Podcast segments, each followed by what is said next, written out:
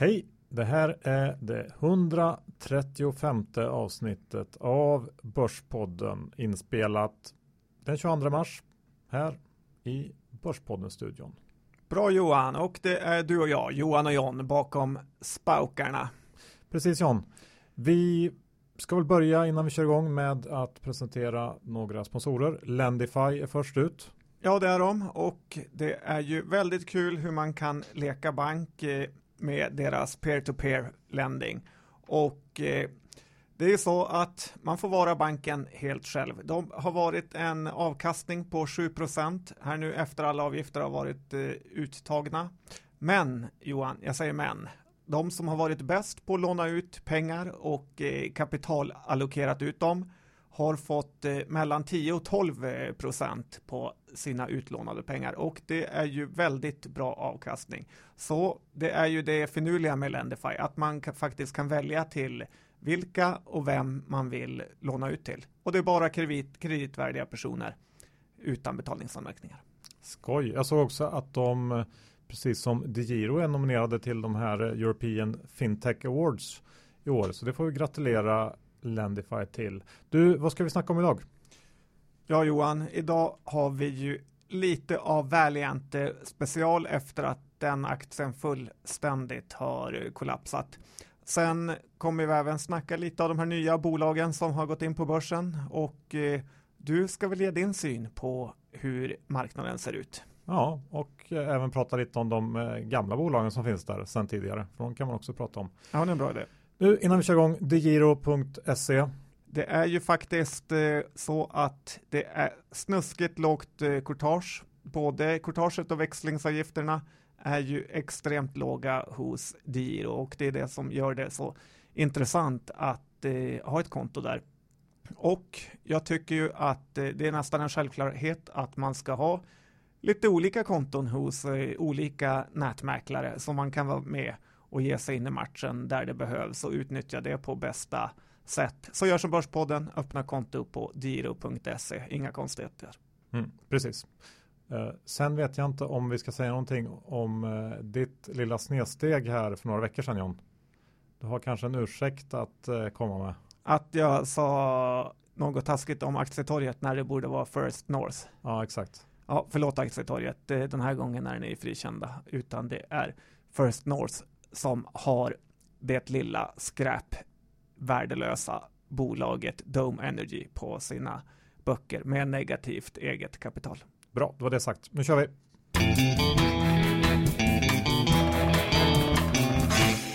Johan Dr. Bass Isaksson. Index är på 1365 och eh, börsen har tappat lite här senaste dagarna. I och för sig en hel del viktiga utdelningar i bankerna och så som har avskiljts och eh, där försämrar index lite automatiskt. Men vi ser ändå svaghet och idag är det terrorattentat i Belgien, vilket förmodligen gör att börsen är också ännu svagare än den är annars. Mm. Kommentar? Mm.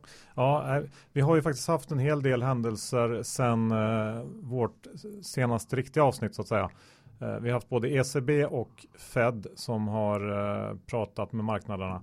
Och eh, man kan väl säga eh, lite kortfattat där att jag har sett eh, en hel del folk sista tiden som har pratat om att det kanske eh, blev någon slags Shanghai-akkord under det här G20-mötet för några veckor sedan inför de här centralbanksmötena. Därför att både ECB och Fed gjorde ju manövrar som, ehm, om man vill tolka det så, gick mot att ehm, förhindra den här starka uppgången av eh, dollarn som ju har varit i fokus i början på året för att den starka dollarn har ju satt en väldig press på den kinesiska valutan och det har ju varit kanske det som många har varit som mest oroliga för tror jag. Så det har ju spekulerats ganska mycket kring det där. Ja, och vad var Shanghai-ackordet i ja, det, det hela? Ja, det var ju i så fall att man gick ihop och på något sätt kom överens lite grann eh, i skymundan inför eh, mötena om att eh, man skulle börja dra åt samma håll kan man säga kanske. Man, man har ju haft eh, Fed som har varit på väg upp i ränta och ECB som har gått åt andra hållet och att man har haft så Så skilda eh, riktningar i sin politik har ju skapat eh, vissa obalanser i världsekonomin och det här är en del som pekar på att det kan vara så att man kommer överens om att eh, mildra det här. Jag vet inte om det är så, men eh, jag såg att Goldman Sachs bland annat hade en sån teori. Eh, men ECB, de signalerar ju att det kan vara slut på räntesänkningar nu. Och eh, Fed var ju å sin sida lite mer duvaktiga än vad många räknar med och pratade om att det bara blir två räntehöjningar till i år medan som sagt fyra innan. Ehm, och det här har ju lett till en svagare dollar sista tiden och vi har även fått en skjuts uppåt på råvarorna, kanske framförallt då oljan som man tittar på. Ehm, och som jag sa, det viktigaste, ingen, ingen fortsatt press på renminbin som är den kinesiska valutan ehm, och ingen eh, mer rädsla, i alla fall just nu, för Kina. Så att det har ju lugnat ner eh, finansmarknaderna en del sista veckorna. Sen så kan man ju fråga sig varför Fed var så pass duvaktiga som de var. Ser de någonting som inte ser så bra ut framöver i ekonomin eller, eh, eller är det just en, en manöver för att eh, förhindra den här starka dollarn? Vi får se. Om det är för att ekonomin är för kass så är det ju det i sig kanske ingenting att bli jätteglad över. Eh, så det finns många aspekter i det här centralbanksspelet som man får fundera på. Och det jag också funderar på är vad nästa steg för centralbankerna kommer att bli. Allt fler bedömare pratar ju om att man kanske kommer att eh, inte bara köra regelrätt penningpolitik utan mer utföra saker som finanspolitiken tidigare kanske mest stod för till exempel stora infrastrukturprojekt eller liknande. Det där eh, får man ju följa åren som kommer. Sen John, är det någonting jag också har funderat på på slutet eh, som vi återkommer till ibland i podden och det är ju den här demografiska utvecklingen vi har runt om i västvärlden. Att alla blir äldre. Ja, precis. Och jag tänker att kan det inte ändå förklara en hel del av de problem vi ser idag med nolltillväxt, låg inflation eh, och så vidare jag, tror att demografi är ett ganska bra redskap om man ska försöka förutspå efterfrågan på, på ja, men alla möjliga tjänster och, och, varor. Därför att vi gör ungefär samma sak vid en viss ålder. Vi skaffar, skaffar bil samtidigt, vi köper hus ungefär vid, vid en viss ålder och, och skaffar barn och så vidare.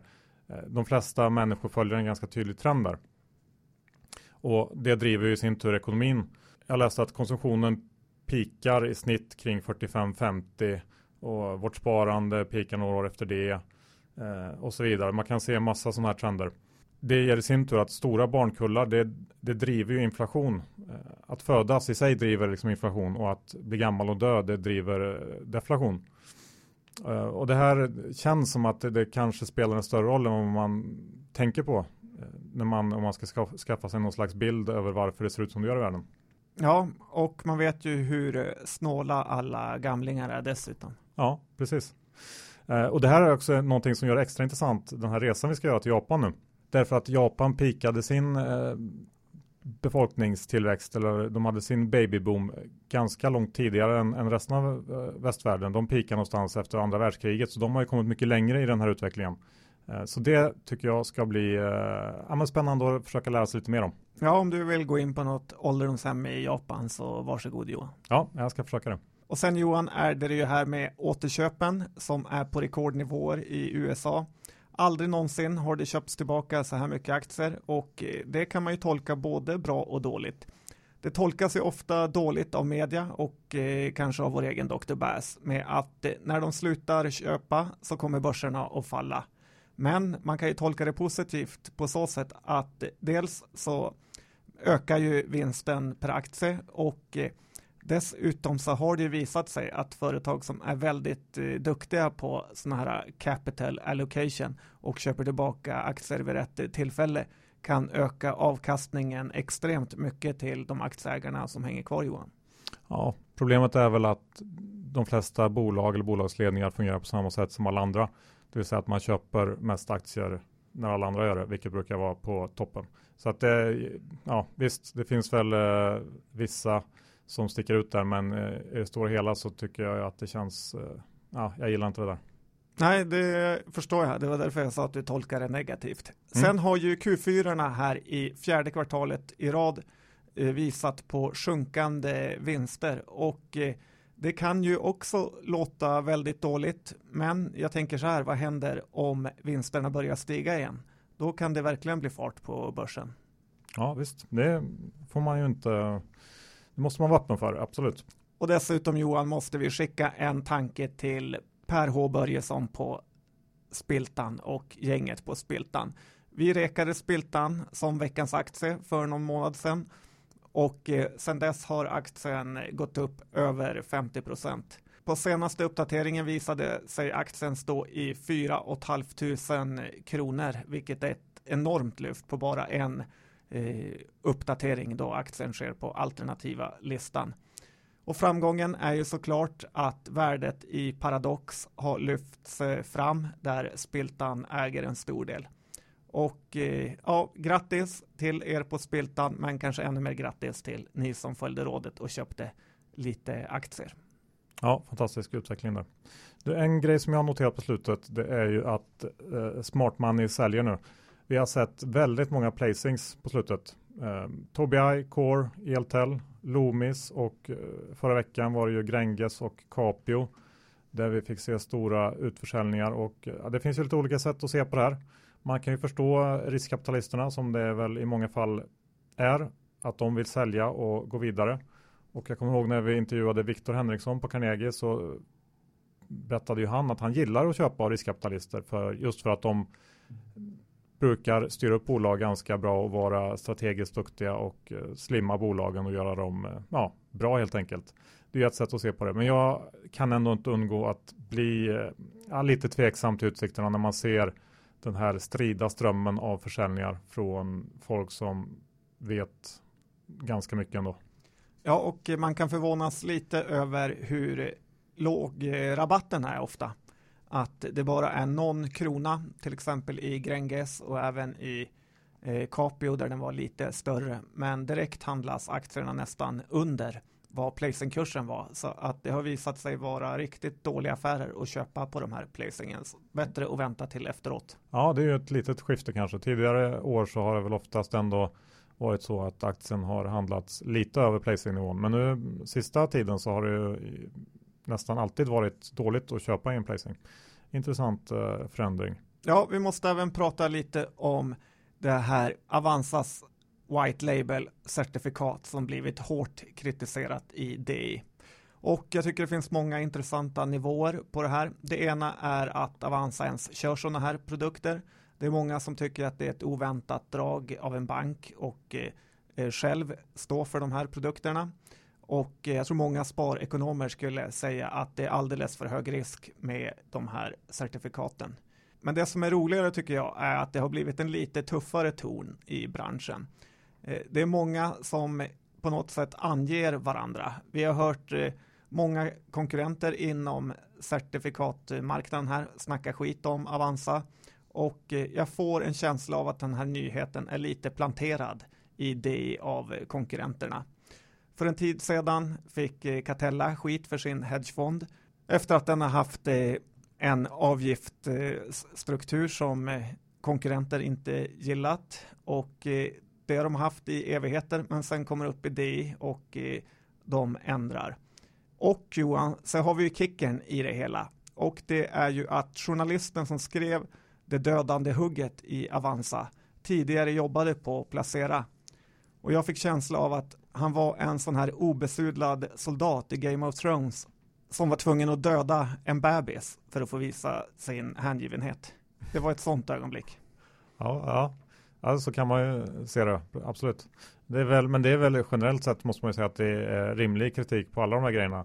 Att eh, som kan kallas hedgefond som inte hade något high watermark är ju i sig sjukt och eh, jag förstår ju verkligen inte varför Avanza håller på med de här produkterna. Det, det känns eh, bara onödigt tycker jag. Det kan inte vara så mycket pengar det handlar om. Eh, ska vi gå över till eh, en annan eh, händelse inom finansbranschen. Swedbank, där fortsätter det att storma. Nu lämnade ju för några dagar sedan här Bronner skutan. Eh, mannen som väl många ville se som vd kanske och som många också hävdar var den som egentligen styrde Swedbank i alla fall under de senaste åren. Och um, ja, det, det, känns ju inte bra tycker jag att uh, det är så mycket turbulens, speciellt i en bank. För i en bank så är det på något sätt uh, förtroende det handlar om. och att då stora delar av ledningen på kort tid eh, hoppat av eller blivit utsparkade. Det är inte förtroendeingivande. Sen så kan man väl kanske, jag vet inte hur mycket av framgången som egentligen kan härledas till ledningen när man haft en marknad som gått rakt upp och eh, börjat från en låg nivå. Så det, det, är väl eh, vad det är. Men, men jag tycker att Swedbank känns, eh, det känns inte bra nu tycker jag. Det, vi har kreditförluster på väg upp. Vi har börsen som har toppat, bopriser som ingen tror kan gå ner men som kommer att gå ner. Och så ska man komma ihåg att, att Swedbank ändå är enorma på just bolån och de har väldigt starkt fäste inom eh, småföretagar, Sverige och eh, ah, nej, Ehm, jag är tveksam. Hela banksektorn fick ju lite relief när Draghi signalerade att det inte kanske blir några mer räntesänkningar. Ehm, men jag tycker att det finns ju andra saker än minusränta som eh, kan sänka banker och Swedbank värderas till Pricebook 1,6 nu ungefär och det är, det är högt. Det lämnar ju inte särskilt mycket utrymme för snedsteg så att för mig är Swedbank och banksektorn i stort en sälj. Många säger ju för sig att det är låga P tal men, men ja, det är av en anledning och jag tror att det finns mer nedkedja där. Ja, man ska ju för sig vara extremt negativt om man tror på default på bolån till höger och vänster. Säg inte det. Och slutligen Johan så har ju nästan alla bolag nu börjat med en 2020 vision, alltså en vision för år 2020 som är fem år bort. Och det är kanske dags att man själv börjar sätta upp lite femårsmål. Ja, vad, vad har du för femårsmål då? Att eh, få vara med i Let's Dance.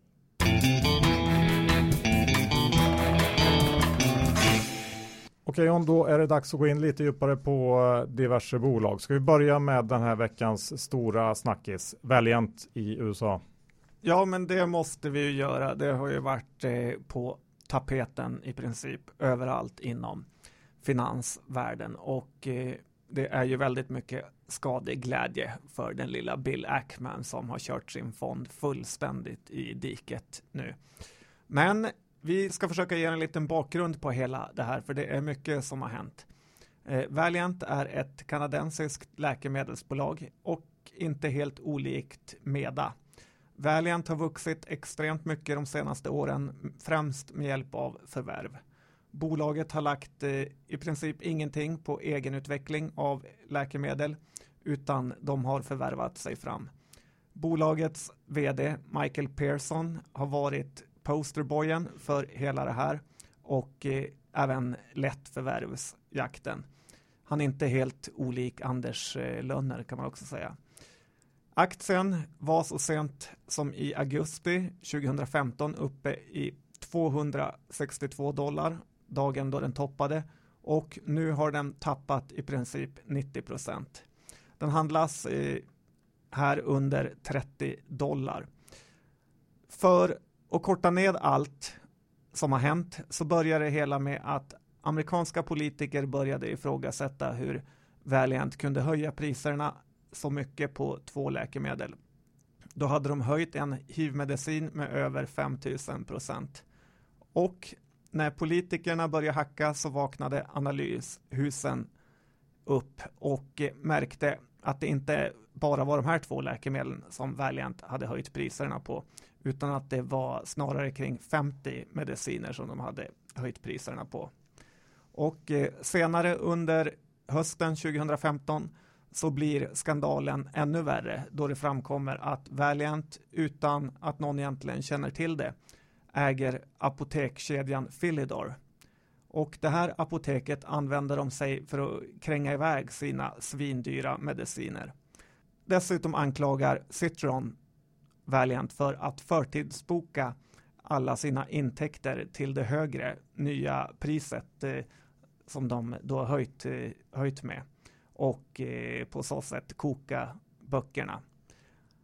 Problemen utöver hela den här härvan är att eh, bolaget är hårt skuldsatt. Bolaget har nu ett eh, marknadsvärde kring 9 miljarder dollar men en nettoskuld på närmare 30 miljarder dollar. Och eh, som ni hör är det lite sidrill-varning över det hela. Ja, det här låter ju inte jätteskoj. Nej, det, och det är inte så kul, framförallt inte för aktieägarna. Vad ska man göra nu då Johan? Ja, gott folk, eh, det är ju ett problem med att köpa när det flyter blod på gatorna. För att eh, det kan faktiskt vara du som blir slaktad härnäst. Och eh, lite så är det i det här caset, att det är lätt att vara tuff innan något sånt här händer. Men nu när det väl har hänt så finns det i princip tusen anledningar till att låta bli att köpa. Och självklart kan inte jag ge något råd hur man ska göra i den här aktien, utan man kan bara vara säker på att det kommer vara extremt volatilt eh, under en ganska lång tid framöver. Ja, nej, jag håller väl med. Jag är inte superinsatt egentligen i Valiant, men eh, jag lyssnade på en amerikansk podd för några veckor sedan där eh, de intervjuade en förvaltare som tidigare hade ägt Valiant men som sålt sista månaderna och som sa att han började tycka att det här kändes olustigt när han var på en ja, presentation, en rapportpresentation av vdn och när någon frågade hur hur gör du egentligen för att hålla koll på alla de här förvärven för att se till att alla lirar tillsammans och får ihop allting? Och då hade vdn Persson då sagt att eh, ja, men det är inga problem. Når man inte målet som jag satt upp, då får man sparken. Hård men rättvis. Ja, hård i alla fall. Uh, och det känns som att det är en sån här typisk, uh, när bolag har den typen av kultur där man inte får göra fel.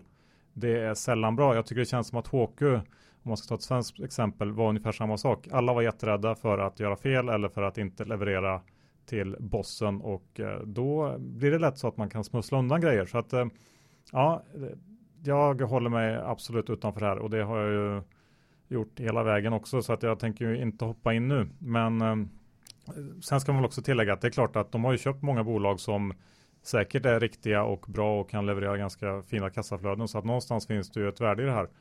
Eh, men, eh, Å andra sidan var inte de gratis att köpa in med tanke på nettoskulden. Nej, exakt. Och man kan ju definitivt säga att bolagets affärsmodell är kaputt och man kommer inte kunna köra den här grejen fortsättningsvis att köpa upp bolag och ja, leva på någon slags multipel expansion och, och ja, hela den här roll-up affärsidén.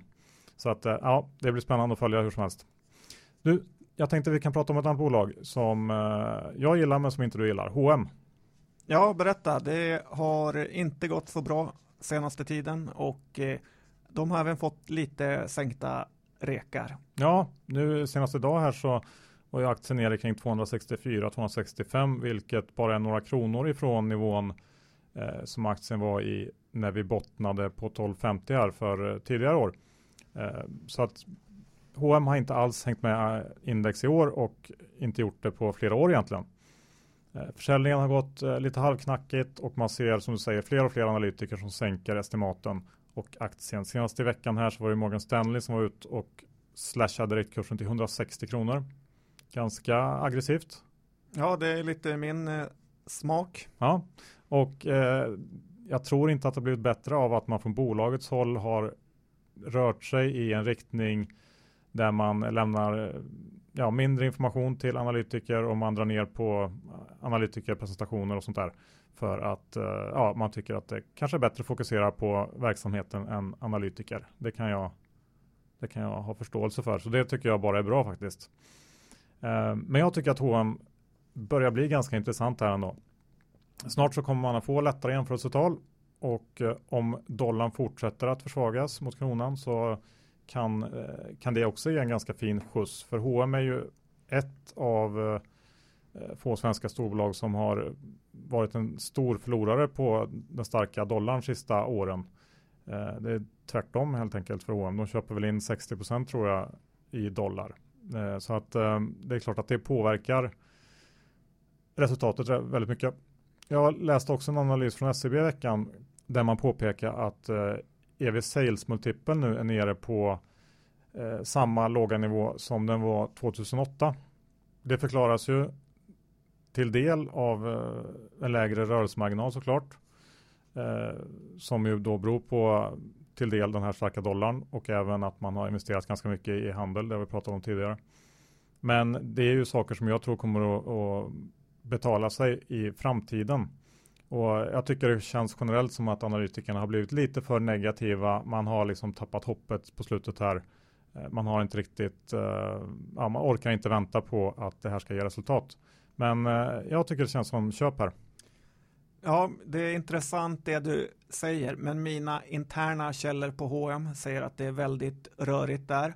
Och personligen kan jag kanske tycka att det är dags för sonen Persson att eh, hoppa av och eh, säga att han inte höll måttet. Ja, jag tror det är för kortsiktigt alltså. Men vi får se. Vi får ge det några år till och utvärdera sen. Vi kan väl eh, nästan direkt svänga in på eh, den andra sektorn på storbolagslistan som ju har tjänat på dollarn, eh, verkstad. Eh, som eh, har studsat också rätt mycket ifrån botten och eh, jag tror inte att den här studsen håller som vi har sett i verkstadsbolagen. Jag tror att prognoserna fortfarande ligger för högt upp och att man, eh, nu har man dessutom fått dollarn emot sig, får vi se om det är uthålligt, men i alla fall på kort sikt så är det jättedåligt för många av verkstadsbolagen. Förra veckan såg vi en vinstvarning från Caterpillar som eh, väl framförallt är en Volvo peer eller konkurrent genom eh, på anläggningsmaskinsidan. Och man sänkte vinst per aktie guidningen för Q1 nu till 0,65 till 0,7 US dollar jämfört med prognoserna som låg på 0,95 så att det är ganska stor avvikelse och omsättningen kommer in en bit under väntat också. Och eh, ja, jag känner bara generellt eh, att man eh, ska vara lite försiktig efter den här starka studsen i verkstad. Jag tror inte att Q1 kommer bli så kul och eh, vi närmar oss dem stormstegen. Ja, det gör vi och eh, då kan vi ju prata om några bolag som har haft eh, sin rapport och MQ är ett av dem. Eh, man undrar lite vem det är som ligger bakom enskildas tokförsäljningar i MQ innan rapporten och eh, den här rapporten var väldigt mycket sämre än förväntat och en ensam säljare har ungefär två, tre veckor innan rapporten legat och eh, bara dunkat ut aktier.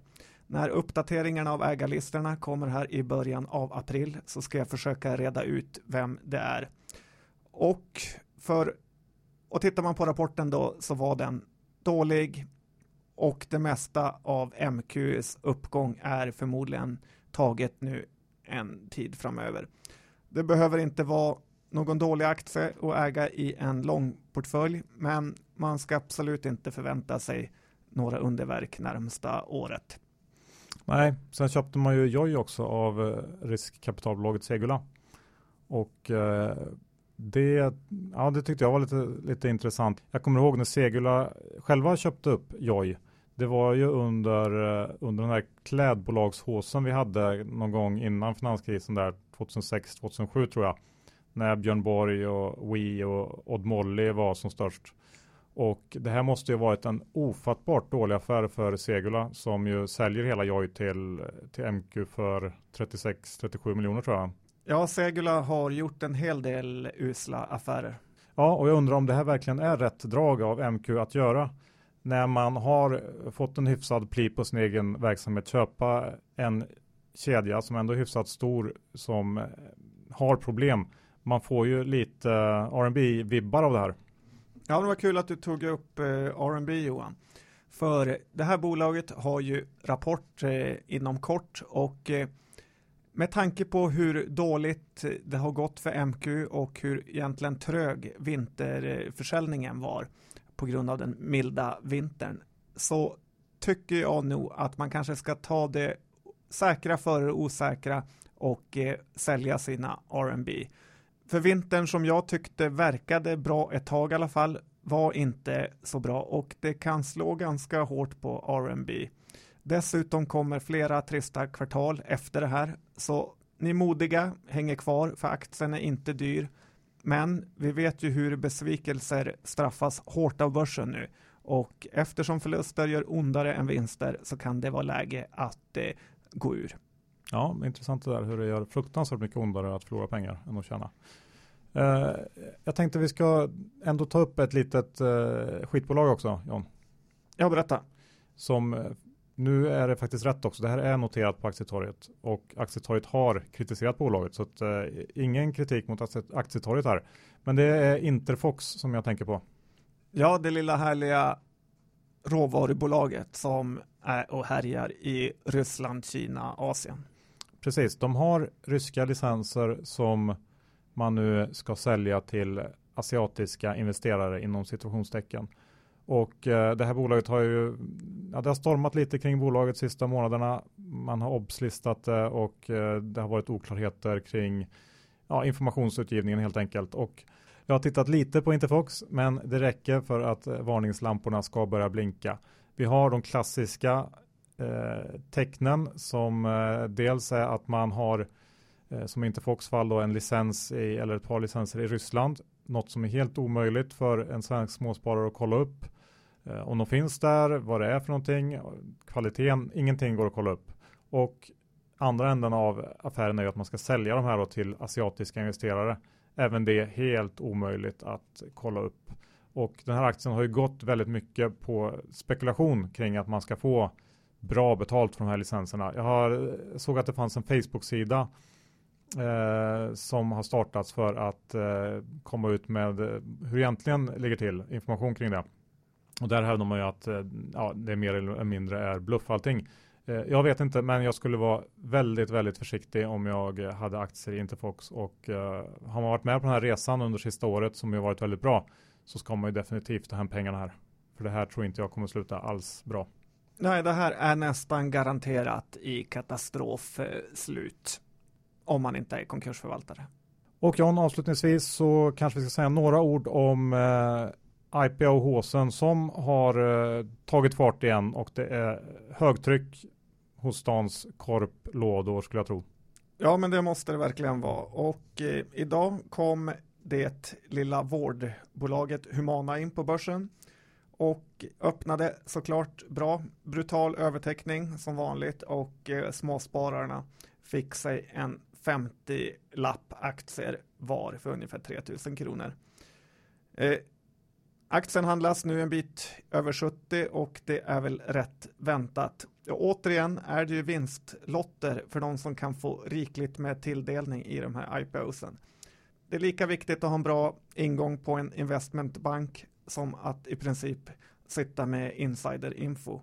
Och eh, det här är ju nu en av anledningarna till att eh, fonderna som finns där ute kan eh, prestera bättre än index och ETFer för att det blir många gratismackor på ett år för de största fonderna som bara kan ta in ett gäng aktier och eh, sen dumpa ut det i marknaden. Eh, och det är det här som ger kortaget till de stora instituten och då blir alla glada utom småspararna som får köpa 10, 20, 30 procent upp första dagen. Sen hade vi Leo Vegas i förra veckan Johan Precis, det var ju också, men den öppnar väldigt högt och har sen eh, inte riktigt orkat med alls utan har väl dollat ner egentligen varje dag sedan dess. Ja, det har den gjort och eh, trycket där känns eh, inte alls eh, lika hett som det var innan IPO. Och det har ju varit ett litet problem att trada de här eh, IPO-erna när bolagen har kommit in eftersom de har rört sig relativt mycket intradag. Så att jag tror det är många traders, inklusive mig själv, som har fått smaka lite piska av nyintroduktioner. Men det är så det ska vara. Ja, piska morot. Också lite piska.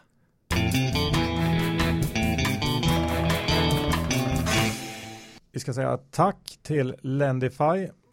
Lendify.se, öppna konto, bli din bank.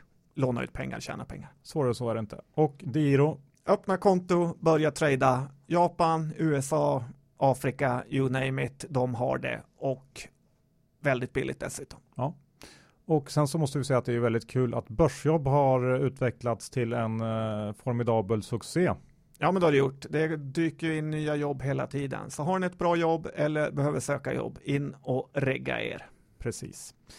Innan vi avslutar för idag ska vi gå igenom våra innehav och eh, jag har faktiskt lite mer att säga än vanligt. Jag är eh, Kort, eh, lite Swedbank. Jag är lång H&M. Jag ehm, ska vi se om vi har pratat om något mer. Nej, det får räcka så. Du då John? Ja, jag är ju lång Spiltan-aktier, så tack Per H för att du gör mig lite rikare. Och sen har jag dumpat ut mina R&B i rädsla av MQ och vintereffekten Johan. Så har jag även Valiant i min Diro-portfölj tyvärr som jag kanske skulle vilja glömma bort. Ja, så kan det vara. Tack för att eh, ni lyssnade och eh, en glad påsk på er.